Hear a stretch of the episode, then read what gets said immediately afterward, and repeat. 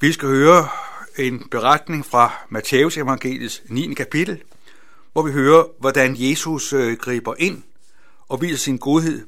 Han er den, der ikke gør forskel på, hvem mennesker er, fordi han ser hvert menneske som et menneske, der er skabt og villet af Gud. Der står sådan fra vers 18 til vers 26. Mens han talte til dem om dette, kom der en synagogeforstander og kastede sig ned for ham og sagde, min datter er lige død. Men kom og læg din hånd på hende, så vil hun leve. Jesus rejste sig og fulgte med ham sammen med sine disciple. Men se, en kvinde, der er 12 år havde lidt af blødninger, nærmede sig Jesus bagfra og rørte ved kvasten af hans kappe. For hun sagde ved sig selv, bare jeg rører ved hans kappe, bliver jeg frelst. Jesus vendte sig om, så hende og sagde, Vær frimodig, datter, din tro har frelst dig. Og for det øjeblik var kvinden frelst. Da Jesus kom til synagogeforstanderens hus og så fløjtespillerne og skaren, der larmede, sagde han, Gå væk, pigen er ikke død, hun sover. De lå af ham, men da skaren var jaget bort, gik han ind og tog hendes hånd, og pigen rejste sig op. Og rygtet derom kom ud over hele den del af landet. Vi hører her, hvordan Jesus tager imod mennesker præcis sådan som de er. Vi hører om en mand, der er fornem. Synagogeforstanderen var en mand, der styrede synagogen. Han havde stor indflydelse og havde stor magt. Han kom til Jesus. Og det har sikkert været en kamp for ham at komme til Jesus. Fordi Jesus var ikke højt anskrevet blandt farisæerne. Tværtimod synes det jo, at Jesus var helt ved siden af. Men han kom til Jesus, kastede sig ned for ham. Og Jesus, han er ikke fornærmet. Han har ingen fine fornemmelser. Han tager imod et menneske præcis sådan, som det er. Han er den, der vil være eneste menneske. Synagogeforstanderne har sikkert gjort alt for at få sin datter rask. Sådan vil vi jo selv have det. Når vi har et barn, der er sygt, så gør vi alt for at komme til læge, og vi gør alt, hvad vi kan for at få den bedste behandling, og søger måske til udlandet for at få den rette behandling. Når nogle af vores kære er syge, der vil vi gøre alt. Vi spørger ikke om, hvor meget det koster. Vi vil gøre alt det, der er muligt for, at vores barn kan blive hjulpet. Sådan kom denne synagogeforstander, sig, synagogeforstander til Jesus. Og Jesus, han rejser sig og følger med ham for at møde denne datter, der lider. Og på vejen, Øh, der møder Jesus en kvinde. Hun har haft store blødninger igennem mange år. Om det er underlivsbetændelse, øh, og øh, det ved vi ikke. Men hun har i hvert fald haft det rigtig svært. Og så gør hun det, som er totalt forbudt. Hun er på en måde på det forkerte øh, sted, på det forkerte tidspunkt. Hun rører ved Jesus. Det var jo sådan på Jesu tid, at der mente man, at det at man, øh, hvis man var ret troende jøde, og kom i berøring med blod, så blev man uren. Så det vil sige, at man skulle holde sig tre skridt fra livet fra et menneske, som havde øh, blødninger. Og denne kvinde, hun øh, rører Jesus. Hun kommer til Jesus bagfra, og det har Jesus det helt okay med. Jesus kan få lov til at komme til, både om vi synes, vi har det svært, eller vi synes, vi har det svært. Jesus oplever ikke det, at vi kommer vanskeligt ubelejlet. Han er den, der gerne vil i berøring med os. Præcis sådan som jeg. Denne kvinde har sikkert haft det svært. Hun har følt sig i en svær situation. Hun har også ofte oplevet at møde nedværende blik, hvor mennesker synes, at hende kunne man godt holde sig langt væk fra. Men Jesus er anderledes. Vi hører, at Jesus så hende. Jesus vendte sig om og så hende og sagde, det viser noget om Jesus, at han møder os præcis sådan, som vi er. Han møder os ikke sådan, sådan som vi burde og skulle, og eventuelt kunne forbedre os.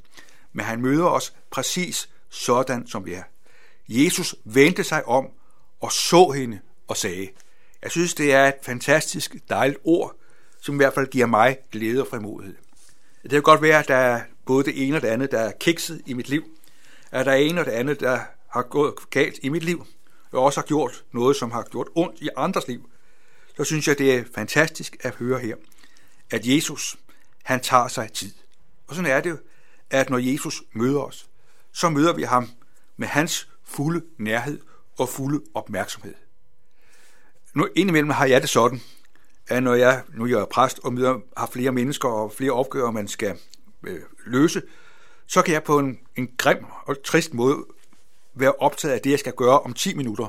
Og det betyder, at når man står over for et menneske, så kan man på en måde være nær og så alligevel være fraværende.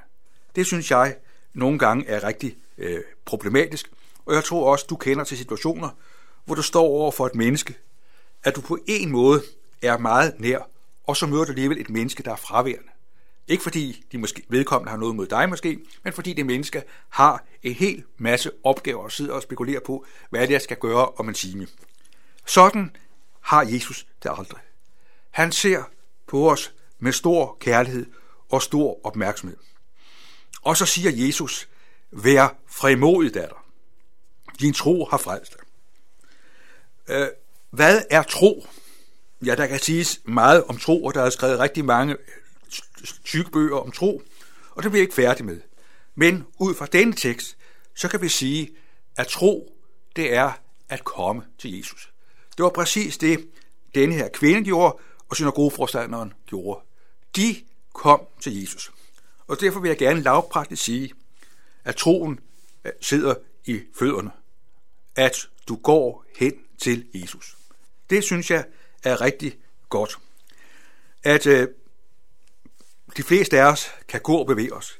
Vi får lov til at gå og komme til Jesus. Det er noget, vi kan. Og det kræver ikke en speciel uddannelse, et specielt sprog, men det er den virkelighed, vi får lov til at komme til Jesus præcis sådan, som vi er. I det ser Jesus troen.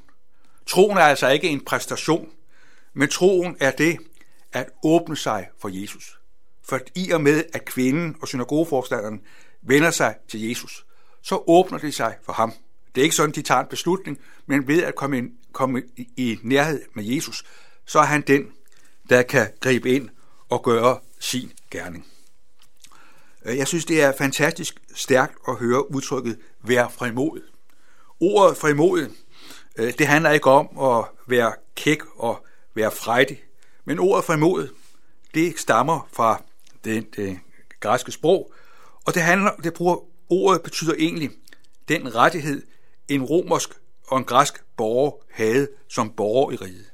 At når man var borger i Romriget og i Grækenland, så har man ret til at tale sin sag over for domstolen. Det var en ret, man havde som et frit menneske. Og sådan er det også i forhold til Jesus, at vi har ret til at træde frem for ham – fordi han er vores herre, og han er vores frelser. At det betyder altså, at fordi vi er skabt af Gud, og fordi vi elskede ham, så får vi lov til at komme ham nær og lægge vores liv frem for ham. Jesus har ingen distance. Han siger datter. Man kan dårligt bruge et ord, der er mere mærket af ømhed og nærhed og kærlighed. Altså Jesus ser ikke den her kvinde som et fremmed menneske, men han ser hende som et menneske, han er i familie med. Sådan er det, at vi er i familie med Jesus, fordi vi er skabt og villet og elsket af Gud. Og når vi er døbt, og når vi tror på Jesus, så er vi Guds børn.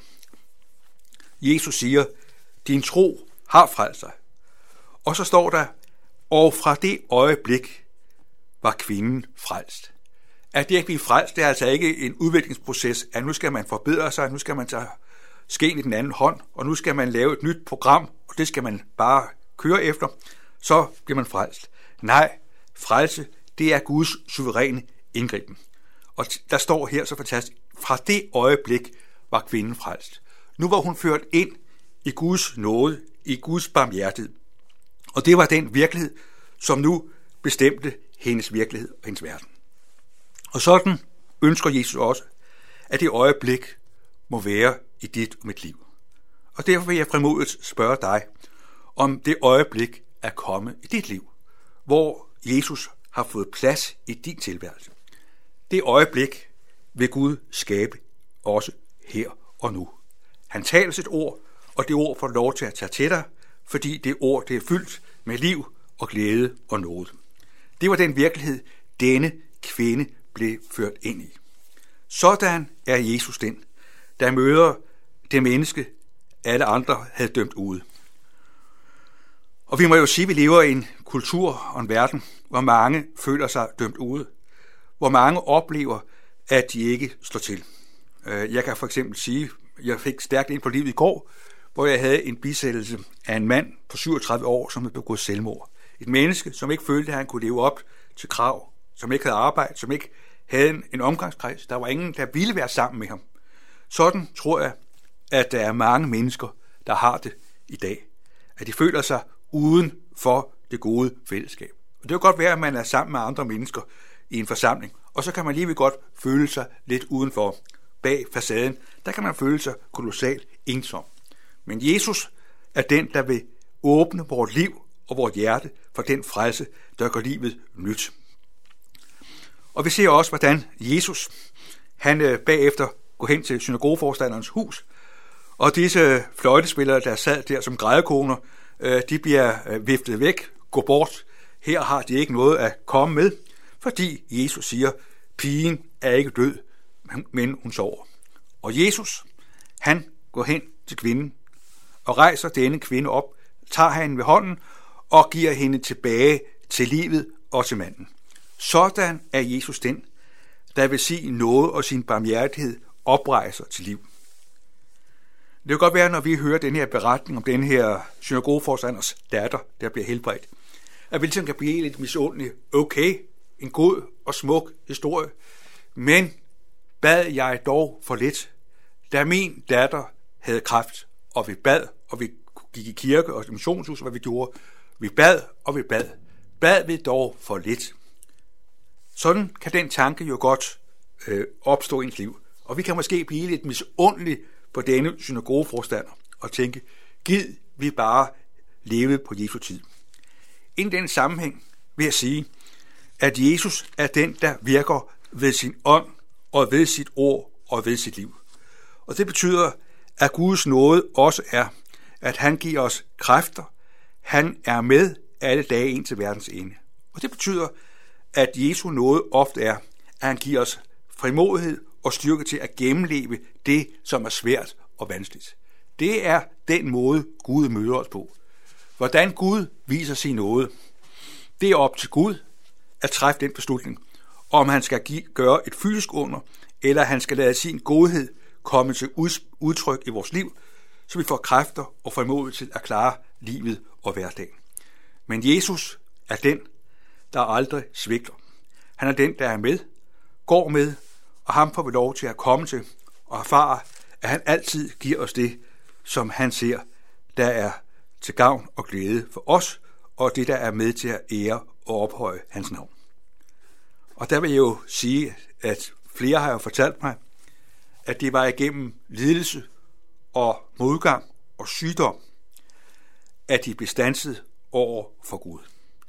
At det betyder ikke, at vi skal opsøge det, der er svært, svært og vanskeligt, men selv der, hvor vi møder noget, der er svært og vanskeligt, der vil Jesus møde os og give os liv og frelse. Amen.